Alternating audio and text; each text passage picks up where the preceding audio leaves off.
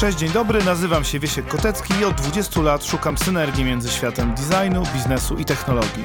A ty słuchasz właśnie kolejnego odcinka podcastu Człowiek, Biznes, Technologia.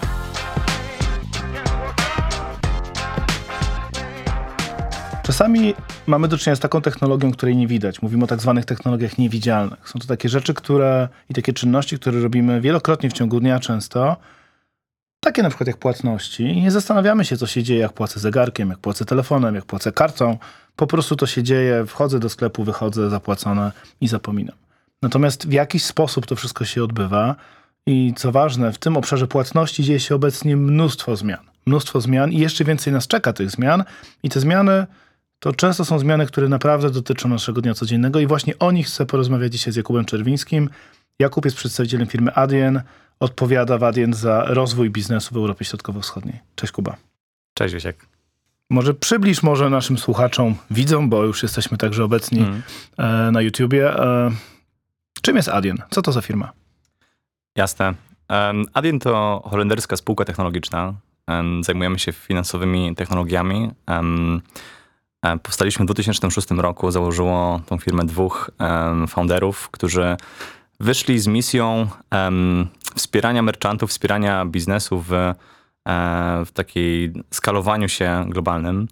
E, z perspektywy właśnie technologii finansowych, czyli na początku płatności, E, W pierwszej, w pierwszej kolejności skupialiśmy się na płatnościach internetowych. Obsługiwaliśmy wielu merchantów, jak na przykład Groupon lata temu, em, w tym, żeby otwierać się na coraz to nowych rynkach, oferować coraz to nowe metody płatności lokalne na, na poszczególnych rynkach. Em, Natomiast z czasem zaczęliśmy wchodzić w nowe kanały, z czasem zaczęliśmy oferować naszym merchantom też nowe usługi, których, których od nas oczekiwali. E, Między innymi płatności w kanałach fizycznych, e, mobilnych, e, linkowych. Każdych tak naprawdę dzisiaj już, już nie, nie zwracamy uwagi na to, jaki to jest kanał. De facto oferujemy tą infrastrukturę płatniczą globalnie od Nowej Zelandii po Kanadę, od Brazylii po, po Europę e, i wszystko, i, i wiele krajów po- pomiędzy. Em, natomiast w praktyce jesteśmy, jesteśmy bardzo europejską, notowaną giełdowo spółką. Liczymy ponad 2,5 tysiąca ludzi już w tej chwili. Em, mamy też biuro w Warszawie, bardzo prężnie się rozwijające. Em, no i tak, e, skupiamy się przede wszystkim na, na biznesach e, w takiej kategorii powiedzmy enterprise'owej, więc tych, tych klientów nie mamy setki tysięcy, mówimy raczej o, o tysiącach. Em, No i myślę, że naszym takim znakiem rozpoznawczym, które co ciekawe ciężko rozpoznać, jest właśnie to, że jesteśmy niewidzialni. Tak, wiele usług, które oferujemy, e, wiele aplikacji, które wspieramy, wiele biznesów, w którym dostarczamy naszą technologię, to są biznesy, które, z których Polacy na co dzień korzystają, nie mając świadomości, że pod spodem siedzi nasza technologia. Ale żeby, żeby tak to trochę przybliżyć, jakieś takie przykłady konkretnych e, właśnie waszych produktów. Wstaję dzisiaj rano, tak, jest e, piękny, pochmurny, mglisty poranek. Jak wygląda mój dzień w kontekście płatności? Kiedy ta niewidzialna technologia gdzieś tam jest w moim życiu, kiedy nawet nie jestem jej do końca świadomy?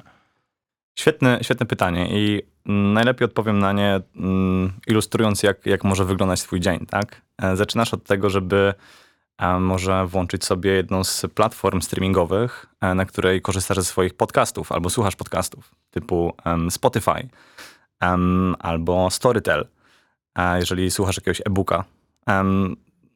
Dostęp do tej aplikacji umożliwia ci subskrypcja, którą masz z daną firmą. E, Ta subskrypcja oczywiście w jakiś sposób musi być, o, obciążać twoją, twoje konto. E, My pośredniczymy w tym, żeby tym, tym platformom e, umożliwić pobieranie opłat z, twojej, z twojej karty czy swojego rachunku bankowego. Jesteś gotowy, żeby wyjść z domu, chcesz dotrzeć do pracy na nasze dzisiejsze spotkanie, zamawiasz, zamawiasz sobie taksówkę Uberem, Boltem, może FreeNow. Tam też musisz podpiąć jakąś metodę płatności, tak? Bo żeby, żeby dostać ten przejazd, oczywiście musisz mieć możliwość e, opłacenia go. Piękno tej, tej usługi polega na tym, że nie musisz mieć gotówki. Wychodzisz z taksówki, kiedy dojedziesz na miejsce do, do waszego pięknego biura. e, Płatność się wydarzyła w tle. E, W międzyczasie zbliża się za jakiś czas pora lunchu. Może chcesz zamówić sobie jedzenie z dostawą do, do biura. E, Skorzystasz z aplikacji takie jak Volt na przykład, czy, czy pyszne.pl. E, Tam też masz stokenizowaną, zapisaną swoją, swoją metodę płatnie, płatności. Tam też masz jakby podpiętą jakiś, jakiś swój rachunek bankowy. E, I też zamawiasz konkretny towar, ale nie martwisz się tym, żeby zapłacić za niego przy odbiorze, tylko płacisz po prostu w niewidzialny sposób w tle. Wszystkie te platformy korzystają z naszej technologii. Wszędzie tam staramy się ułatwić tobie jako konsumentowi szybki, łatwy i prosty dostęp e, do, do konkretnego produktu czy do konkretnej usługi, która dana platforma oferuje.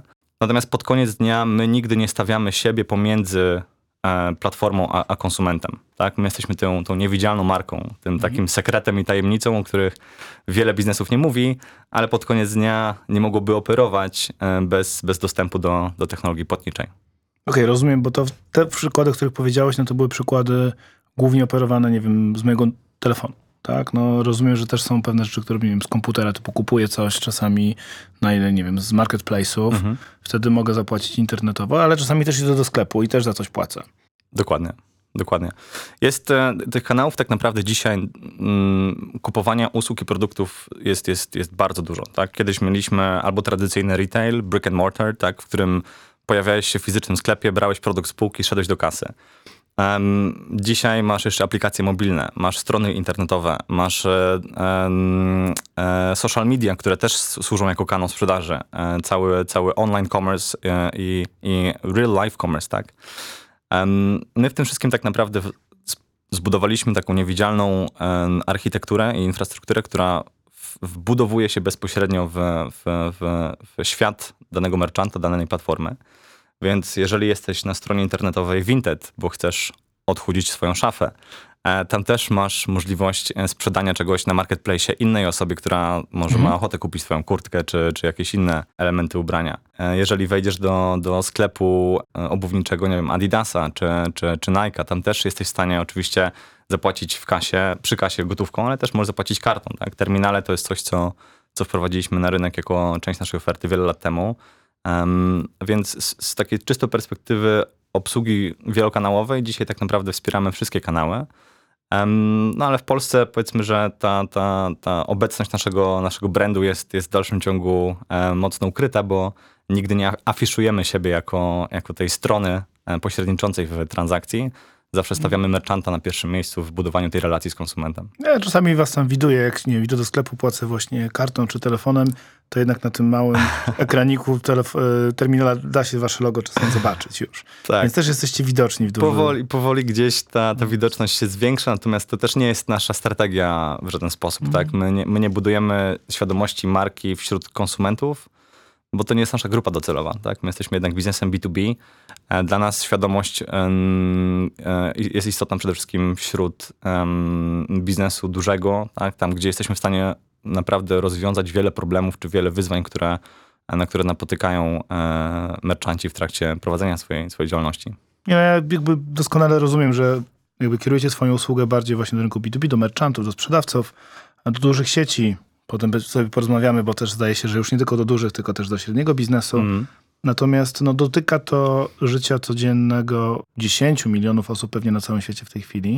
I właśnie trochę o tym chciałem porozmawiać, bo wy sami kreujecie taką, e, takie hasło Unified Experience, tak? Dużo się mówiło o, wiesz, multi-channel experience, potem jest obecnie omni-channel experience, a wy mówicie Unified Experience. Jakbyś mógł trochę rozwinąć to, Mhm. jak wy to definiujecie. Mhm. Tak, no mm, nie jest to może definicja, którą sobie przypisujemy, czy, czy, czy my pierwsi to powiedzieliśmy, czy nie, to, to już jakby tam Mhm. rzecz wtórna.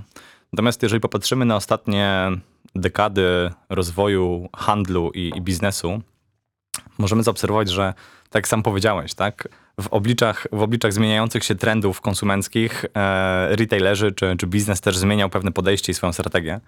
Na początku mieliśmy konkretne kanały sprzedaży, później byliśmy wielokanałowi, omnikanałowi, natomiast to co, to, co zaobserwowaliśmy, to to, że te definicje zawsze stawiały merchanta i biznes w centrum jakby zainteresowania tego, tego, te, tego terminu, czy tego, mm, tej, tej definicji.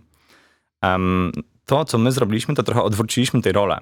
Popatrzyliśmy na to, w jaki sposób konsumenci podchodzą na, do, do budowania relacji z markami i jak na przestrzeni czasu przeszli troszeczkę z przywiązywania uwagi do tego, w jaki sposób wchodzą w interakcję z marką przez konkretny kanał sprzedaży, czyli w sklepie fizycznym, czy w aplikacji mobilnej, czy na stronie internetowej i zaczęli patrzeć bardziej na to, żeby, ten ich, żeby ich doświadczenie było zunifikowane, niezależnie od tego, w którym kanale wybiorą relacje z, danym, z daną marką. Czyli nieważne, czy kupisz coś w sklepie internetowym i oddasz to w sklepie fizycznym, Nieważne, czy jesteś w sklepie fizycznym, zamówisz produkt, którego może nie ma dzisiaj w twoim rozmiarze, jutro ta marka wyśle ci go do domu, czy może e, w jakikolwiek inny sposób skonfigurujesz sobie taki, taki mix and match tych, tych kanałów sprzedaży, to jest coś, co my nazywamy Unified Commerce, tak? czyli takim zunifikowanym doświadczeniem konsumenckim, który odstawia na bok przywiązanie marki do konkretnego kanału sprzedaży, stawia konsumenta w centrum zainteresowania i oferuje mu możliwość skorzystania z produktów bądź usług, które dana marka oferuje w identyczny sposób, niezależnie od tego, jaki kanał wybierze. Tak, bez, bez dyskryminowania poszczególnych kanałów, mówiąc, że jak zrobisz coś w, tym kanale, to może nie masz możliwości skorzystania z benefitów z drugiego kanału i na odwrót. No to jest w ogóle ciekawe z obu perspektyw, prawda? Bo wiele firm historycznie, tak jak mówisz, dobudowywało pewnego rodzaju kanały. Czasami kupowało inne firmy, czasami je samo budowało. No i się bardzo dużo mówi takiej silosowości, prawda? Że okej, ma bardzo silną sieć sprzedaży naziemnej, nie wiem, jestem telekomem na przykład, czy firmą sprzedającą elektronikę na przykład, dużą siecią i wprowadzam kanał e-commerce. I teraz, Jezu, co tutaj się wydarzy, tak? E, Jak nie skanibalizować tego, tej sieci naziemnej ofertą e-commerce? Bardzo często były to osobne zespoły, które ze sobą walczyły, a klient tak naprawdę stał gdzieś pośrodku tego i mówił, nic z tego nie rozumiem. Jedna cena tu, jedna cena tu, dostępność produktu taka, owaka, jeszcze inne bóg inne procesy reklamacyjne. De facto różne firmy, tak? De Można- facto różne firmy. Mm. Tak? Masz 100% racji. To jest coś, co myślę, że w, mm, w okresie przedpandemicznym e, często spotykaliśmy się z sytuacjami, kiedy rozmawiając z globalnymi graczami w branży retail e, czy, czy, czy branży e, modowej, retailowej, często mm, organizowaliśmy spotkania dla, dla zespołów paymentsowych zajmuj- zajmujących się płatnościami w, w, w sklepach fizycznych, w sklepach internetowych czy, czy w aplikacjach mobilnych. Niejednokrotnie ci ludzie, spotykając się na warsztatach, które organizowaliśmy, mieli po raz pierwszy styczność sami ze sobą. No tak. Tak? Co pokazuje, jak historycznie, skąd pochodzą niektórzy retailerzy, jeżeli chodzi o samą taką mm, mentalność podejścia do patrzenia na kanały sprzedaży. Poszczególne kanały sprzedaży wielokrotnie miały różne PNL, tak? miały osobne budżety, miały osobne, wiesz, o, osobny sposób traktowane przychody, nie wrzucane do tego samego jakby wspólnego, wspólnego PNL-a. Kanibalizujące się cele sprzedażowe. Dokładnie, więc Premie. to, to, to, była, to była na pewno jakiś, jakiś pewien poziom takiego em, chaosu, który wydaje mi się, że pandemia w świetny sposób, pomimo tego, jak, jak, jak wiele e, bólu i spustoszenia na, na, na rynku biznesowym e, wprowadziła, to takim dobrym akcentem na pewno było to, że wiele firm obudziło się, że musi, muszą zunifikować swoje, swoje wewnętrzne kanały sprzedaży, połączyć tych ludzi ze sobą, połączyć ich strategię ze sobą i odwrócić tryb myślenia, my jesteśmy firmą, która ma kanał pierwszy, drugi, trzeci, czwarty. W związku z tym w każdym tym kanale mamy inne zespoły, inne strategie, innych pracowników, e, inne narzędzia. I wyjść z założenia, że konsument dzisiaj chce doświadczyć mnie, nas jako marki. Nie, nie przykłada uwagi do tego, czy kupi ten produkt przez aplikację mobilną, czy e, przez stronę internetową, czy w jakikolwiek inny sposób, tak? Myślę, że ta, ta zmiana była takim fundamentalnym krokiem milowym dla wielu, wielu biznesów i na polskim rynku też widzimy masę tego przykładów. E, Moim ulubionym jest, jest CTC i Modivo, które naprawdę na przestrzeni ostatnich kilku lat wprowadziło no, niemałą rewolucję tego, w jaki sposób doświadcza się całego brandu Modivo i, i jak te omnikanałowe, unified commerce'owe ścieżki zakupowe rzeczywiście są dostępne teraz dla, dla klientów na wyciągnięcie ręki. Natomiast no, jeżeli patrzymy na to, jak CCC wyglądało jeszcze 5, czy 7, czy 8 lat temu, no to tam e-commerce ledwo co istniał, a już nie mówiąc o tym, żeby był integralną częścią doświadczenia, fizycznego doświadczenia zakupowego, tak? A to jest dobry przykład akurat, gdzie te zmiany, które oni zaczęli robić jeszcze przed pandemią, ogromne inwestycje, które zrobili nawet nie w kanały same jeszcze, tylko w ogóle w przygotowanie się, inwestycja w CRM, połączenie tych systemów, zrozumienie klienta, pozwoliło im de facto nie tyle przetrwać pandemię, co jeszcze się wzmocnić. Tak naprawdę ta firma wyszła mocniejsza postpandemicznie, tak? I to, co powiedziałeś, Modive, obuwie, bardzo silna grupa z tego wyszła. Na pewno. No, jedną, jedną z cechą wspólną e, firm, które wyszły z pandemii silniejsze i mocniejsze, jest przede wszystkim to, w jaki sposób e, zwinność stała się em, ich, ich kluczowym cechą charakteru. Tak?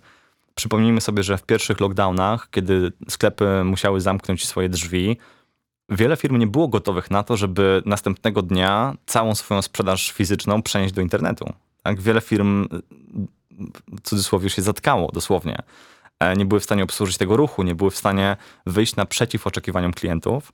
Natomiast na pewno e, te, te dwa lata czy trzy lata bardzo, bardzo przyspieszonej e, digitalizacji, bardzo zaakcelerowanej digitalizacji, dzisiaj stawiają te firmy naprawdę w światowej czołówce, jeżeli chodzi o em, możliwość właśnie żonglowania kanałami sprzedaży, możliwość em, e, przenoszenia pewnych promocji z jednego kanału do drugiego, możliwość rozpoznawania klientów w różnych kanałach sprzedaży, e, możliwość analizowania tego, jak na przykład klienci, którzy, którzy korzystają z takich rozwiązań unified commerce'owych, które Adyen roz, e, oferuje, dzisiaj mają możliwość analizowania dokładnie średnich wielkości koszyków kli- klientów korzystających z jednego kanału, z dwóch kanałów, z trzech kanałów, Łącznie. e, łącznie, tak? I, I potrafią na podstawie tego też zupełnie inaczej podchodzić do analizowania tych danych, do, do tworzenia totalnie nowych strategii marketingowych, e, strategii angażowania tych klientów w, w programy lojalnościowe.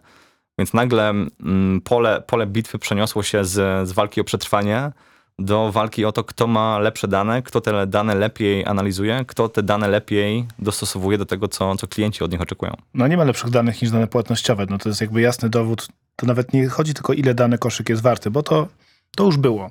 Tak, ale to chodzi o strukturę koszyka, tego, co w którym kanale kupuje, co w tym koszyku jest, tak? Mhm. Czego przestałem kupować, przewidywanie tego, co klient będzie chciał i w ten sposób na przykład pokazywanie mu promocji, przewidując już, że on tego będzie za chwilkę szukał.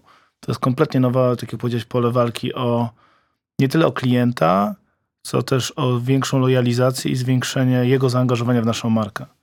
Tak? Myślę, że to jest ogromna, ogromna, ogromna rzecz. A powiedz mi, Kuba, no bo wy jesteście obecni w wielu krajach, tak jak sam powiedziałeś, jesteście publicznie notowani, Amsterdam, kilkadziesiąt rynków. Jak wy patrzycie na to, co się wydarzyło, jeżeli chodzi o pandemię i o kanały, tak? No bo jak pandemia wybuchła i byliśmy wszyscy zlockdownowani w jednych krajach mniej, w drugich więcej, w jednych krócej, w drugich dłużej, to było takie ogromne zachłyśnięcie się e-commerce'em i w ogóle takie ogromne hasło, że tak naprawdę te takie stacjonarne sklepy to one już przestaną istnieć. Tak, że wszyscy tylko e-commerce będą tylko i wyłącznie kupowali zamówieniem do domu i bye bye sklepy stacjonarne. Ale chyba nie do końca tak to się skończyło. Tak. Mm, Było dużo apokaliptycznych wróżb końca retailu fizycznego, to na pewno. I myślę, że im mniej zdigitalizowany był biznes, im mniej em, zdywersyfikowane były e, danej marki kanały sprzedaży i im ciężej było im przestawić się z jednego kanału na drugi, tym bardziej apokaliptycznie do tego, do tego podchodzili, tak? Tym, tym, tym, Mhm. tym gorsze były te wróżby. Natomiast to, co obserwujemy w już tym okresie popandemicznym, to to, że tak naprawdę retail fizyczny miewa się świetnie, odrodził się, ale też odnalazł chyba swój, swoją nową wizję, swoją nową misję, swoją nową rolę w szeroko pojętej ekonomii. E, Dobrym tego przykładem są, są marki takie jak na przykład Rituals, e, która otworzyła w, e, w Amsterdamie swój sklep flagowy, pięciopiętrowy House of Rituals. To jest taki experience store, w którym ty nawet nie musisz nic kupić, tak? Możesz, możesz przyjść, dotknąć, powąchać, przetestować kosmetyki marki. Możesz nawet pójść do laboratorium, w którym sam sobie stworzysz swój własny komponent kosmetyczny, tak? Możesz wymiksować kilka różnych, oczywiście pod okiem ekspertów, e, swoich własnych kosmetyków, swoich własnych zapachów. E, Możesz pójść do gabinetu kosmeto, ko- kosmetycznego na jakiś zabieg kosmetyczny. E, Możesz wybrać się do, do strefy medytacji, możesz pójść na zajęcia z oddychania i z, z, z mindfulnessu, możesz pójść do kapsuły grawitacyjnej i mm, zrobić sobie 15-minutową drzemkę. Możesz, jakby cały, cały ten sklep zamienił się w ogóle w, przeszedł z bycia punktem sprzedaży kosmetyków do punktem pełnej regeneracji umysłu i ciała.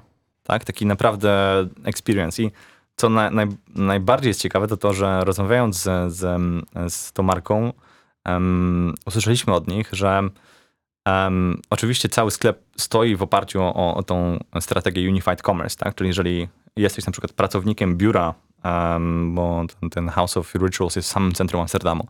Jeżeli jesteś pracownikiem pobliskiego biura, e, przyszedłeś sobie tam na krótki, krótki, krótką sesję regeneracyjną, kupiłeś sobie jakieś kosmetyki, możesz za te kosmetyki zapłacić tu i teraz, ale nie musisz ich zabierać ze sobą do pracy, a później brać ich do domu. Oni dostarczą ci je do domu tego samego dnia.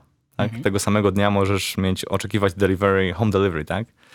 Em, więc tego typu przykładów widzimy coraz więcej. Myślę, że nowym wyzwaniem dla retailerów jest teraz nie tyle, co odpowiadać na potrzeby konsumentów, bo konsumenci sami mogą nie wiedzieć do końca, czego oczekują, tylko na podstawie danych, o których właśnie mówiliśmy, być w stanie przewidzieć, jakie nowe trendy się pojawią, jakie nowe oczekiwania będą najpopularniejsze, e, jakie nowe ścieżki zakupowe będą, będą się, się stawały naprawdę takimi topowymi i powszechnymi.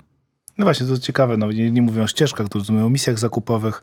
No to się ewidentnie trochę zmienia, tak? Znaczy zmienia się też rola tego fizycznego sklepu. No po pierwsze, pojawiła się ich rola taka podstawowa jako pick-up point. Tak jakby wiadomo, że automaty paczkowe stały się w Polsce super popularne, Mhm. Ale też sklepy na rogu, na przykład takie jak Żabka, ale różnego innego typu kioski czy poczty, stały się tym też miejscem, gdzie ja sobie jak najbliżej domu odbieram po prostu przesyłki za e-commerce. Prawda? Ale też to oznacza, że już jestem w tym sklepie i mogę robić inne rzeczy, aniżeli tylko i wyłącznie kupowania podstawowych elementów. Jak, jak wy widzicie tą rolę, nową rolę sklepów też, tych małych i tych większych? Tak, Poza experience'em, o którym wspomniałeś przed chwilą. Jasne. Wiesz co, tych, tych przykładów myślę, że naprawdę jest bardzo dużo. Em, Dla mnie jednym, jedną z takich marek, która zawsze nie bała się wchodzić w nowe trendy, czy, czy wchodzić w nowe, w, nowe, w nowe strategie, jest Inditex. Inditex już jakiś czas temu powiedział, że e, ich olbrzymie sklepy retailowe, czyli, czyli te brick and mortar, który jest jakby olbrzymim fundamentem ich biznesu, w perspektywie czasu zamienią się w, też w mini centra logistyczne. Że oni, oni już nie chcą robić logistyki tylko i wyłącznie z olbrzymich hubów logistycznych, które są, nie wiem, dwa na cały kontynent, e, tylko po to, żeby po pierwsze redukować ślad węglowy, po drugie, żeby e, obniżać czas delivery, po trzecie, żeby e, też poprawiać doświadczenie konsumenta, który może szybko zamienić produkt i, i, i, i być może oddać go w tym samym sklepie. E, no, zmienili nagle e, sens, sens bytu tych, tych, tych sklepów.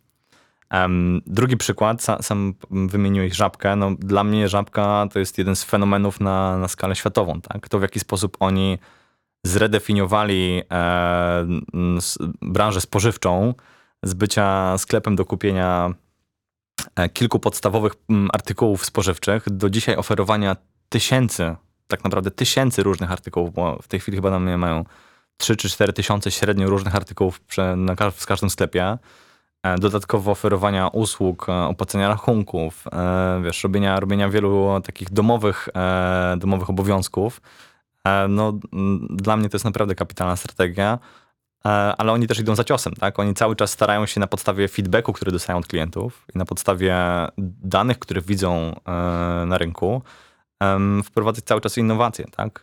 Żabka Nano, czyli te sklepy, sk- sklepy samoobsługowe, no to jest coś, co na dzień dzisiejszy tak naprawdę jest największą na świecie e, siecią sklepów autonomicznych. Nie ma, nie, ma, nie ma drugiej tak dużej sieci sklepów autonomicznych, jak ta, którą zbudowała Żabka. To jest w ogóle szok, jak ja się właśnie dowiedziałem, że to jest największa tego typu sieć na, na świecie, no to to byłem pod ogromnym wrażeniem, ale też Nano, znaczy wiesz, no, Nano trochę dowozi tą obietnicę, którą Amazon powiedział, prawda? Znaczy Mhm. Amazon, przecież Amazon ten e, autonomiczny, no to jest ile już kwestia, pewnie 5 lat do tyłu? Oj, nawet więcej. Chyba więcej, Chyba prawda? nawet więcej, tak. Myślę, że to już, to już blisko, bliżej do 10 lat, kiedy, kiedy Jezu. pierwsze, pierwsze głośne em, wróżby Amazona na temat tego, że przyszłość retailu to jest autonomiczny retail. E, jeszcze wtedy myślę, że w, spotykało się to z dużym sceptycyzmem. Tak, wielu pukało się w głowę, myślało, jak to. Że, Ale co, że ja wchodzę do sklepu, wszystko do swojej torebki, wychodzę, nie płacę i jak? Dokładnie, i nie ukradłem nic, Nic nie i ukradłem, e, tak? nie, nie będzie mnie gonić policja, no to, to na pewno e, kiedyś były, były szalone pieśni o przyszłości, które myślę, że były takimi e, przez niektórych odbieranych jak bardzo mocno or, orwellowskie e, wróżby. E, Dzisiaj staje się to rzeczywistością. Ta rzeczywistość jest, jest o tyle ciekawa, że żabki NPS, e, czy ten Net Promoter Score, taki feedback e, konsumencki jest, e, jest niesamowicie wysoki. Tak? Klienci bardzo cenią sobie swobody korzystania z tych sklepów. To, że te sklepy są jeszcze bliżej konsumenta. To, że te sklepy są w e, lobby akademików, czy w holu akademików. Tak? To, że są otwarte 24 godziny na dobę, 7 dni w tygodniu. To, że możesz e, kupić tam mm, dosyć szeroką paletę produktów spożywczych, e, artykułów chemicznych itd., itd.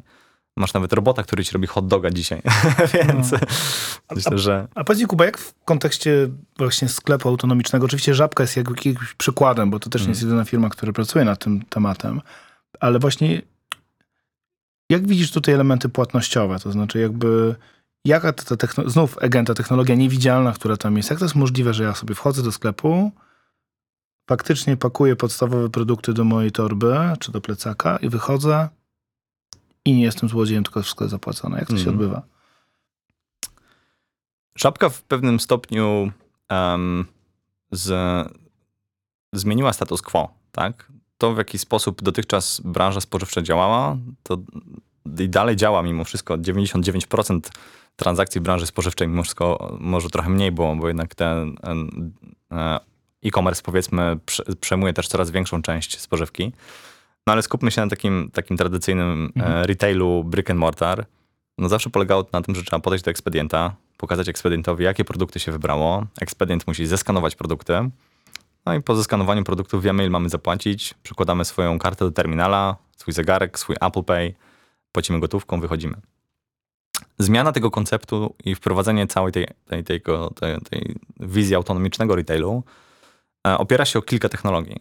Tak, oczywiście kluczową z nich jest, jest cała, cała wizja komputerowa i, i to, że kamer, które monitorują, które produkty wybierasz spółki, które odkładasz, z którymi de facto wychodzisz ze sklepu, jest w takiej żabce sporo. E, Oczywiście te, te, te kamery anonimu, anonimizują informacje, tak? Więc to nie jest kwestia zapisywania obrazu tego, co Wiesiek w tym konkretnym sklepie o tej konkretnej porze zabrał z konkretnej półki. Em, natomiast sama, sama płatność od samego początku, od samego zalążku konceptu Żabki Nano miała być niewidzialna, miała być em, bezproblemowa i miała być tak maksymalnie efektywna i wygodna dla konsumenta, jak to jest tylko możliwe. E, W praktyce działa to tak, że podchodząc do Żabki Nano, przykładasz swoją kartę do terminala płatniczego, Karty czy aplikacje? E, kartę i aplikację, tak? Czyli jakby możesz wejść, można wejść do, do, do żabki dwojako, korzystając z aplikacji żabki, albo jeżeli nie masz aplikacji żabki, albo jeżeli nie masz mm, podpiętej pod aplikację swojej karty, e, co jest jakby jakimś tam mm, wymogiem, możesz po prostu przyłożyć sobie swój Apple Pay, swój iWatch, e, Apple Watch, czy, czy e, jakikolwiek inny nośnik płatności, wirtualny portfel czy kartę, do terminala, Nasz terminal wtedy przeprocesuje informacje na temat tego, co to za karta. Czy ta karta wcześniej była w tym sklepie? Jeżeli była, to znaczy, że wiemy, kim jesteś, znamy ciebie jako klienta, rozpoznajemy cię i automatycznie otworzymy drzwi. Jeżeli jesteś w tym sklepie po raz pierwszy, albo po raz pierwszy korzystasz z tej konkretnej metody płatności, z tej konkretnej karty, no to żabka przed wejściem do sklepu zada ci kilka pytań. Tak? Jaki masz tam telefon kontaktowy, czy akceptujesz warunki korzystania z tego konkretnego Mhm. sklepu? E, po to też, żeby wysłać ci później po, po zakupach twój, twój rachunek i twój paragon. Em, cały proces trwa dosłownie kilka sekund. Nie wiem, czy, czy miałeś przyjemność już korzystać z, z, z jednej z tych żabek nano. Uważam, że naprawdę jest to, jest to jeden ze światowo, mm, światowych e, wiodących, wiodących tego typu ścieżek zakupowych. Em, wchodzisz do sklepu, wybierasz produkty, e, kamery odnotowują, które produkty bierzesz, wychodzisz ze sklepu, e, żabka wysyła nam informację, jaka wartość twojego koszyka była. My pobieramy tą kwotę z twojej, z twojej karty i płatności są niewidzialne. To jest, znaczy, to jest bardzo inspirujący przykład, ale chciałem się uczepić jednego słowa. Mhm. Znaczy uczepić, w sensie pozytywnym. Powiedziałeś, wchodzę do sklepu, albo się właśnie gdzieś tam identyfikuję kartą, albo aplikacją i wy już wiecie, kim jestem. I to jest bardzo ważne stwierdzenie, tak? Znaczy informacja o tym, kim jestem, prowadzi nas na wprost do budowania programów lojalnościowych, do personalizacji, tak? Do zastosowania oferty tego sklepu do mnie, może innej ceny. Czy widzisz jakieś właśnie trendy tutaj w tym obszarze? A, a, absolutnie. Tak jak powiedzieliśmy na samym początku naszej rozmowy, że data is new oil. Tak? Mhm. Dane to, są, to, jest, to jest nowa ropa. I myślę, że em, Żabka jest tego genialnym przykładem, ale też jest wielu innych retailerów na rynku, które te dane wykorzystuje. Em, wiedząc konkretnie, w jak, jakie produkty w danym sklepie, jaki asortyment w danym sklepie jest najpopularniejszy, em, jesteś w stanie ten asortyment bardzo mocno personalizować. Z perspektywy Żabek Nano ten asortyment będzie inny w akademikach, inny będzie w biurach, inny będzie w hubach transportowych czy na, na przystankach ko- kolejowych. Więc oczywiście ta hyper, hiperpersonalizacja jest oczywistym następnym krokiem. Tak? To jest coś, co, co, co prędzej czy później się wydarzy, a, a częścią tej personalizacji na pewno będzie lojalność. Em, I budowanie tej lo- lojalności konsumenta w, w stosunku do, do, do marki. I myślę, że to jest coś, czego wielu konsumentów przez długi okres czasu się trochę bało. Tak? Było zawsze trochę taki opór, czy ja chcę być rozpoznany przez tą markę. Tak? Nie wiem, czy pamiętasz jeszcze lata temu, um, nie wiem, czy to było Tesco, czy jakaś inna, sieć supermarketów pilotowała na chyba rynku w, w UK um, e, kamery przy wejściach, które rozpoznawały klientów i w trakcie wizyty w supermarkecie targetowało ich konkretnymi promocjami, artykułami itd., itd. No to już był taki Orwell, że naprawdę wszyscy po prostu mówili, nigdy to się nie przyjmie. No ale tak naprawdę dzisiaj autonomiczne sklepy to jest dokładnie ta technologia. To jest dokładnie robienie tego, co, co wtedy, jeszcze nie wiem, 5 czy 6 czy 7 lat temu próbowały wprowadzać duże supermarkety. E, natomiast wydaje mi się, że olbrzymia zmiana, która miała miejsce, to to, że konsumenci zrozumieli wartość, którą mają, która wynika bezpośrednio dla nich z tego, że dana marka, z którą mają relację, ich rozpoznaje. Ta wartość może być monetarna w postaci zniżki bądź promocji, ta wartość może być kontekstowa w postaci lepszego marketingu, lepszej oferty, mm. lepszej komunikacji. Ta wartość może być czysto relacyjna. Po prostu masz lepszą relację z swoim klientem, lepiej go rozumiesz, lepiej go znasz. Myślę, że wiesz, badania też pokazują, że według niektórych badań ponad 80% klientów mówi, że jednak oczekuje spersonalizowanego marketingu, tak? Nie, my nie chcemy być traktowani jako liczby, chcemy być traktowani jako ludzie, aczkolwiek ta granica między byciem zrozumianym i widzianym jako osoba versus śledzonym Orwellowsko, ona jest bardzo cienka. Ja się z tym bardzo. zgadzam. Natomiast właśnie ta niewidzialność może sprawić tutaj, że, że to jest pewnego rodzaju rozwiązanie, tak? Bo to, co powiedziałeś, czasami jest to o relacji, czasami jest to o cenie, czasami też jest to o dostępności. No to był bardzo ważny case COVID-u. Tak, ja pamiętam, że w niektórych sklepach e, e-commerce, szczególnie spożywczych, te okienka dostaw to była rzecz bardzo, bardzo cenna, prawda? I teraz jakby w ogóle sam fakt tego, że ktoś ci może dostarczyć to, to była wartość. I oczywiście to była wartość zarezerwowana dla zlojalizowanych klientów. Tak, takie bardzo ważna rzecz. Dokładnie, ale też ta, ta konkretna wartość, czy ta konkretna potrzeba też mm, zrobiła miejsce na rynku dla, dla totalnie nowej, e, nowego segmentu spożywczego, czyli natychmiastowych dostaw, tak? Tych, mm. tych które dzisiaj takie marki jak e, Delio czy Już, też należące do grupy Żabka, bardzo mocno promują i propagują dostawy w ciągu 15 minut, w ciągu 20 minut. E, Tako wiesz, realizowanie natychmiastowej potrzeby jakiegoś artykułu spożywczego, to jest coś, co, co, co też nie istniało jeszcze, jeszcze 3-4 lata temu. Tak naprawdę COVID był olbrzymim akceleratorem tego, że ludzie uzmysłowili sobie, że ok, możemy robić zakupy spożywcze online, no dobra, ale czemu teraz musimy czekać na te zakupy dwa dni, tak? Chciałbym je mieć może następnego dnia. Może z następnego dnia przeszliśmy na tego samego dnia. Może z tego samego dnia przeszliśmy na za w ciągu godziny, tak? W ciągu tak. 15 minut. Więc ta, ten, ten convenience, ta, ta wygoda zakupowa jest czymś, co, co cały czas gdzieś tam ewoluuje i wydaje mi się, że będzie w olbrzymim stopniu też kształtować strategię wielu, wielu marek biznesowych i wielu marek w ogóle retailowych w kontekście tego, jak będą komunikować się z klientami, jak convenient jest kupowanie w danym, w danym sklepie. To jest, to jest też znowu pewnie na kolejny odcinek cała, cała dyskusja właśnie convenience versus konsumpcjonizm versus odpowiedzialność marek, no bo z drugiej strony, czy my naprawdę potrzebujemy tych dostaw w ciągu 15 minut? Okej, okay, bro, broni tego modelu biznesowego rower, jakby szanuję to. E, natomiast mam też takie poczucie i nie kryję się z nim, że mm, czasami jest pewna granica tego convenience, gdzie być może nie powinniśmy konsumentom jednak dawać wszystko, wszystkiego, tak? Niech się może dwa razy zastanówmy, czy naprawdę potrzebują tego kupować. Aczkolwiek no, pod koniec dnia, no to wiadomo, że wybór tutaj idzie za kliknięciami i za pieniędzmi, tak? Ale też przykłady takich kilku firm, które się właśnie wycofały z rynku polskiego, pokazują, że nie zawsze te dark story i 15-minutowe dostawy działają, tak? Już nie będę wymieniał, ale dwie marki się wycofały, zdaje się, z rynku polskiego, prawda? Więc... Tak, no to, to był trend, który tak samo szybko się pojawił na rynku, jak, jak mam wrażenie, że, że szybko może z niego zniknąć. Um, wydaje mi się, że mimo wszystko ten quick commerce zostawi trwały ślad e, na, na, na, w branży spożywczej. Tym śladem będzie jednak pewna, pewna demokratyzacja dostępu do dostaw. Sam powiedziałeś, tak? W okresie COVID-u to była trochę walka o okienko.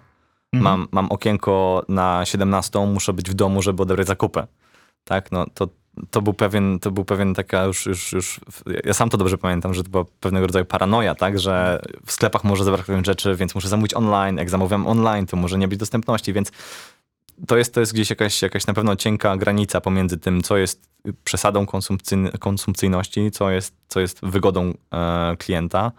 Um, ale wydaje mi się, że, że w naturalny sposób e, biznes znajduje ten, ten balans i, i, i konsumenci, sami, kons- konsumenci sami zdecydują, co jest dla nich dobre, co nie. Pełna zgoda. Pełna zgoda. Znaczy w ogóle bardzo ciekawe te dwa lata. Myślę, że czeka nas jeszcze mnóstwo eksperymentów ciekawych. I to, co powiedziałeś, też przenoszenie między branżami pewnych doświadczeń, prawda? No bo pewne rzeczy to jest 15 minut dostawy w, w spożywce, tak? E, No ale już w e-commerce czasami jest to trudniejsze, ale też wiele e-commerce'ów tak naprawdę mówi tego samego dnia w automacie paczkowym, prawda? Tego samego dnia u ciebie w domu. To z punktu widzenia logistyki. Są, są, te- są teraz quick commerce, jak firma Arrive na przykład, która mm, oferuje już e, paletę setek produktów elektronicznych, dobra luksusowe, ubrania, ubrania high-end, high-endowych marek z dostawami poniżej godziny, tak? Więc oni też, też już wchodzą w tej chwili, możesz zamówić iPhone'a, e, który będzie u ciebie w, w pół godziny. E, więc ja w dalszym ciągu jeszcze podchodzę do tego z jakąś tam e, szczyptą, szczyptą sceptycyzmu. Wydaje mi się, że, że następne rok czy dwa lata pokażą pewną konsolidację na tym rynku i, i pewną normalizację też oczekiwań konsumentów, bo wielu ludzi zachłysnęło się tym, że okej, no może nie muszę planować, co dzisiaj będę robić na kolację, bo mogę zdecydować o tym 15 minut przed tym, jak będę gotować i wszystkie składniki, które potrzebuję, dostarczy mi firma XYZ. Em, i to jest pewnego rodzaju swoboda, która zdejmuje też z nas presję tego, że nie musimy myśleć zawczasu o wszystkim w naszym życiu. Nie musimy planować każdego jednego aspektu tego, co będziemy jeść, robić i, i spędzać jak czas. Em, I myślę, że to, ten szacunek dla czasu, który jest jedną z najważniejszych walut, którą mamy, e, em, był, był dużą wartością, które te quick commerce przyniosły.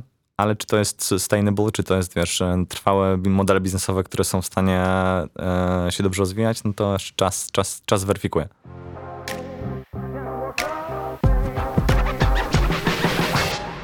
Sporo rozmawialiśmy o potrzebach nas, na- nas jako konsumentów i trochę wynikających zmianach w tym, powiedziałbym, takim brick and mortar retailu, tak? który będzie coraz pewnie bardziej autonomiczny. Pewnie takie rzeczy już, już teraz, jak kasy samoobsługowe, gdzieś tam automatyczne płatności, to będzie nasza normalność. Tak? Pamiętam jeszcze z naszych wcześniejszych rozmów, taka jedna z rzeczy, która bardzo mnie zainteresowała, mm, to jest taka migracja między różnymi kanałami. Tak? Naturalne było to, że firmy, które sprzedawały do tej pory tylko offline, wchodziły w online. Tak? W tej chwili też widzimy odwrotny trend, czyli wchodzenie firm, które były tylko i wyłącznie w online, w offline. Prawda? A Amazon jest jednym z przykładów, ale wy też zdaje się, że macie taki dosyć ciekawy projekt, albo uczestniczycie w nim właśnie, gdzie pomagacie wchodzić biznesom cyfrowym w świat y, fizyczny. Tak, to prawda. W, naszym, e, w naszej kwaterze siedzibie głównej w Amsterdamie, e, w samym sercu Amsterdamu, e, w nowo otwartej przestrzeni, zaczęliśmy oferować naszym, naszym klientom, którzy są natywni w świecie e, e, internetowym i wirtualnym, możliwość pokazania swoich produktów, e, swoich usług na jednej z najbardziej ruchliwych ulic Amsterdamu, tak? Czyli dostarczamy im taką przestrzeń retailową, w której przez kilka tygodni czy kilka miesięcy mogą em, zrobić tego po prostu swój brand experience store, tak? Czyli miejsce, gdzie mogą naprawdę budować świadomość marki, budować kontakty e, z, z klientami, relacje z, z klientami. Em, Przyjęło się to z, z olbrzymim i bardzo pozytywnym e, oddźwiękiem. Kilka pierwszych marek, które, które przewinęło się przez ten, tą przestrzeń retailową, naprawdę zaobserwowały olbrzymi wzrost zainteresowania ich produktami, nie tylko dlatego, że dostało ekspozycję na wiesz, dużą ilość ludzi przechodzących przez tą ulicę, ale przede wszystkim przez to, że dotychczas będąc bardzo hermetycznie zamkniętych na świat e, online'owy, otworzyli się w nowym świecie, w którym też zaobserwowali, że klienci chcą zobaczyć tą e, sukienkę, poczuć jak dana walizka na konkretnych kółkach e, jeździ, e, posłuchać muzyki w danych słuchawkach i tak Więc ten, ten, ten taki figital e, łączenia dwóch światów rzeczywiście dla, dla biznesów e-commerce'owych się, się zaczyna sprawdzać coraz bardziej, co też nawiązuje do tego, o czym rozmawialiśmy chwilę temu, że e, e, rola, rola retailu fizycznego się zmienia, ale na pewno nie znika. To jest w ogóle śmieszne, jak tak przez lata, już pewnie z 10-12 lat się obserwuje te, te tak zwane procesy ROPO, prawda? Czy kiedyś było tak, że właśnie było tam research offline, purchase online i to był taki wielki wow na zasadzie, kurczę, ludzie przychodzą do, do sklepu zwykłego, ale potem kupują w online. Potem było odwrócone ropo, tak? Teraz Mhm. jestem w sumie nie wiem, gdzie jesteśmy, ale jesteśmy właśnie chyba w tym Unified Thing. Tak? Jesteśmy w Unified Commerce. Jesteśmy, prostu, jesteśmy w świecie, w którym klienci em, prawdopodobnie, zanim podejmą decyzję o tym, żeby kupić dany produkt, będą mieli wielokrotnie styczność z marką, bo ktoś ze znajomych im poleci tą markę albo zapozna ich z tą marką. Mm. Ktoś powie im o jakimś artykule, e, który muszą przeczytać o na przykład rosnącym trendzie rowerów elektrycznych e, i o tym, jak to jest świetne dla planety i zdrowe dla ludzi. Nagle pojawisz się w sklepie już e, bardzo wyedukowany na temat tego, czym są, jakie są, jakie są zalety, jak długo trwa bateria, jak wiesz, jaki ma zasięg, jaką ma prędkość. No ale pod koniec dnia chcesz też przetestować ten sprzęt, chcesz go wziąć do domu, chcesz przejechać się nim po mieście, więc nie wiem, taka marka jak Van Move, e, też słynne, słynne holenderskie rowery elektryczne, daje, daje klientom możliwość e, po prostu wypożyczenia sprzętu na cały dzień, czy nawet na kilka dni, żeby poczuć, jak twoje życie by się zmieniło, mając taki, taki rower elektryczny. Zaczęliśmy tą rozmowę od tego, że jedną z waszych głównych grup docelowych jest klient tej klasy Enterprise, tak? Wspomniałeś Rituals, Adidas, nawet Żabka, no są duże sieci. E, Ale jak rozumiem, teraz też wchodzicie w świat tych mniejszych merchantów, fryzjerów, barberów, e, małych usług, prawda? Jak widzisz główne potrzeby w tej chwili, takie nie tylko płatnościowe, ale te takie właśnie wsparcia technologicznego w tych firmach? Mhm.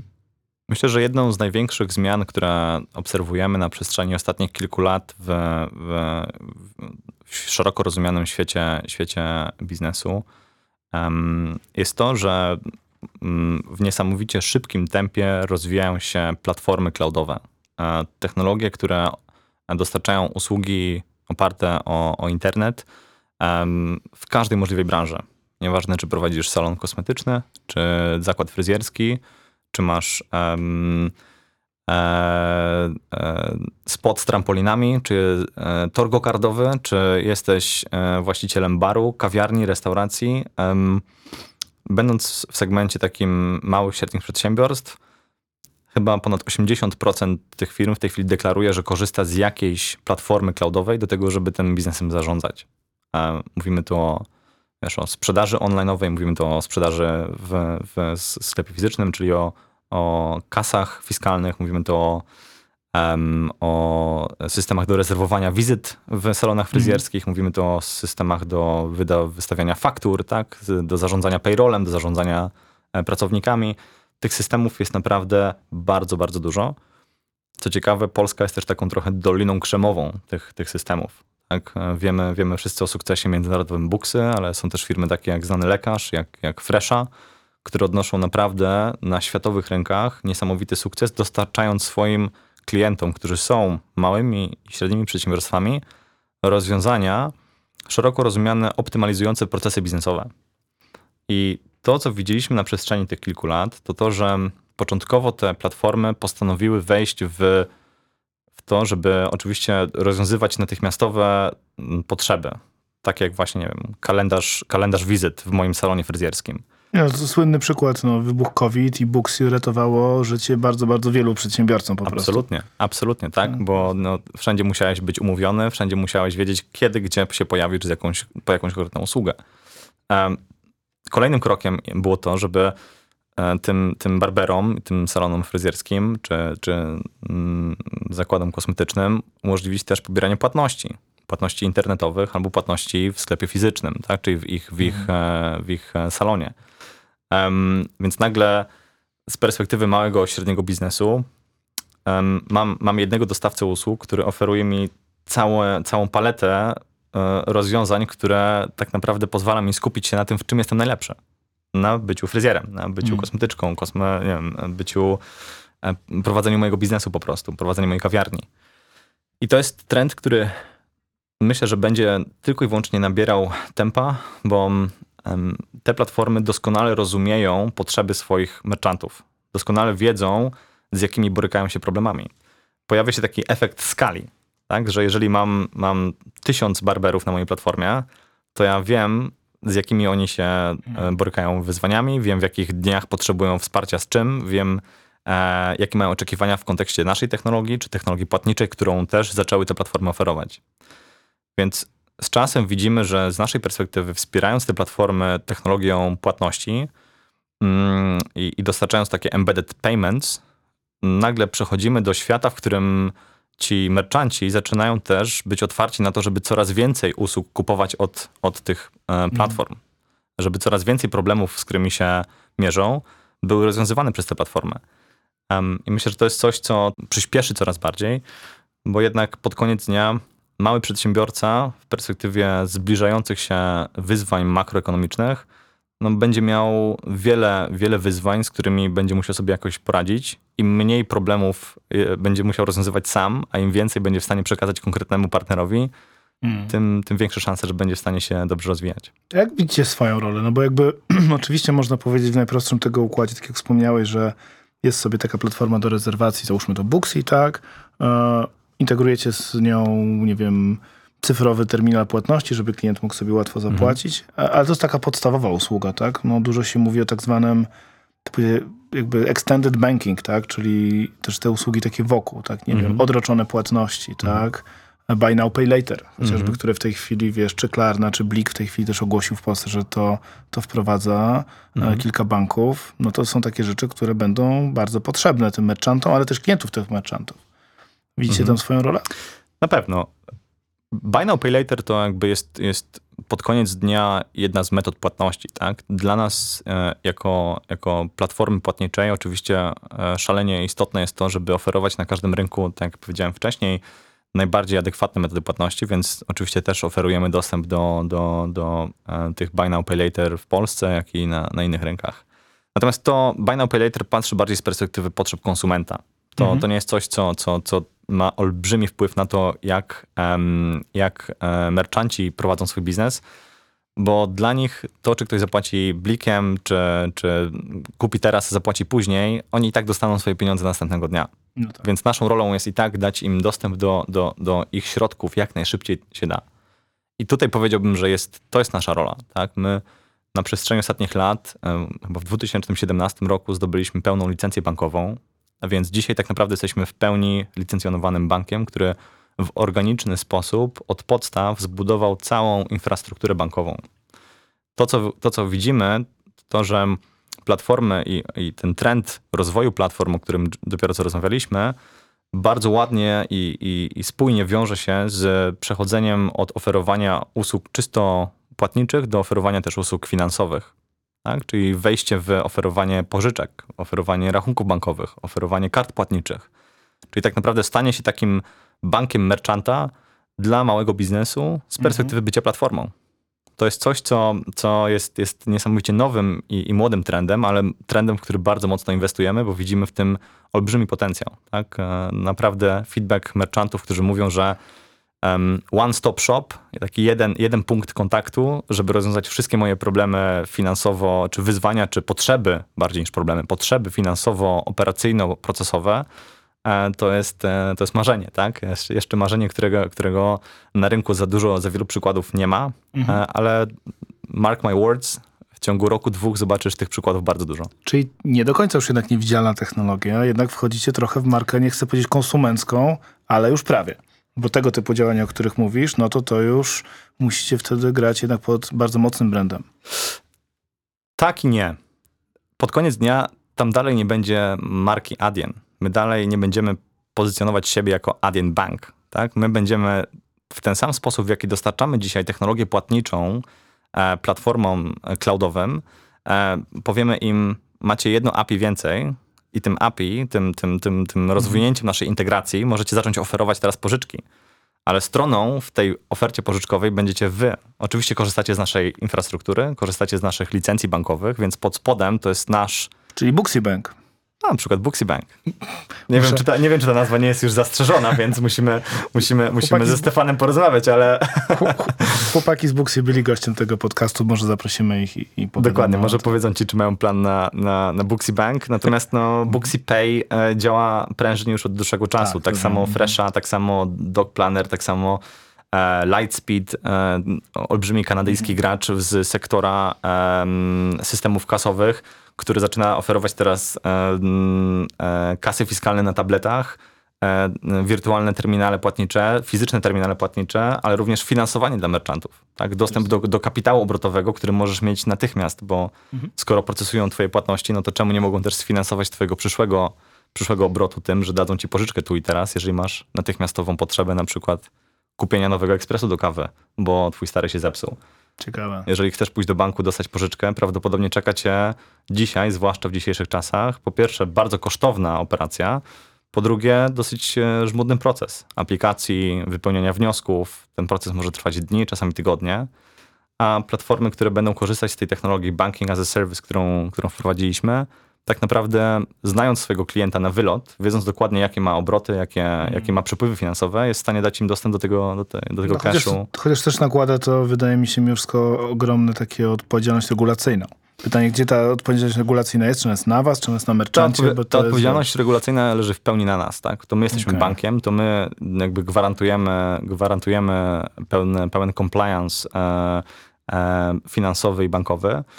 I, I to jest jakby wartość, którą my widzimy i rola, którą widzimy w całym, w całym tym środowisku. Kuba, powoli zbliża, zbliżamy się do końca tej rozmowy i tak tradycyjnie chciałem się zapytać, trochę już wspomniałeś o przyszłości, ale jak widzisz takie główne trendy i takie twoje przewidywania tego, co nam najbliższa przyszłość przyniesie? Mhm. Że Adyen, Adyen nigdy nie, nie, nie był i, i dalej nie jest firmą, która e, w taki sposób, powiedziałbym, Silicon Valeyowy e, robiłaby wielkie claimy na temat tego, Mhm. co się wydarzy za kilka lat i, i kim będziemy za kilka lat.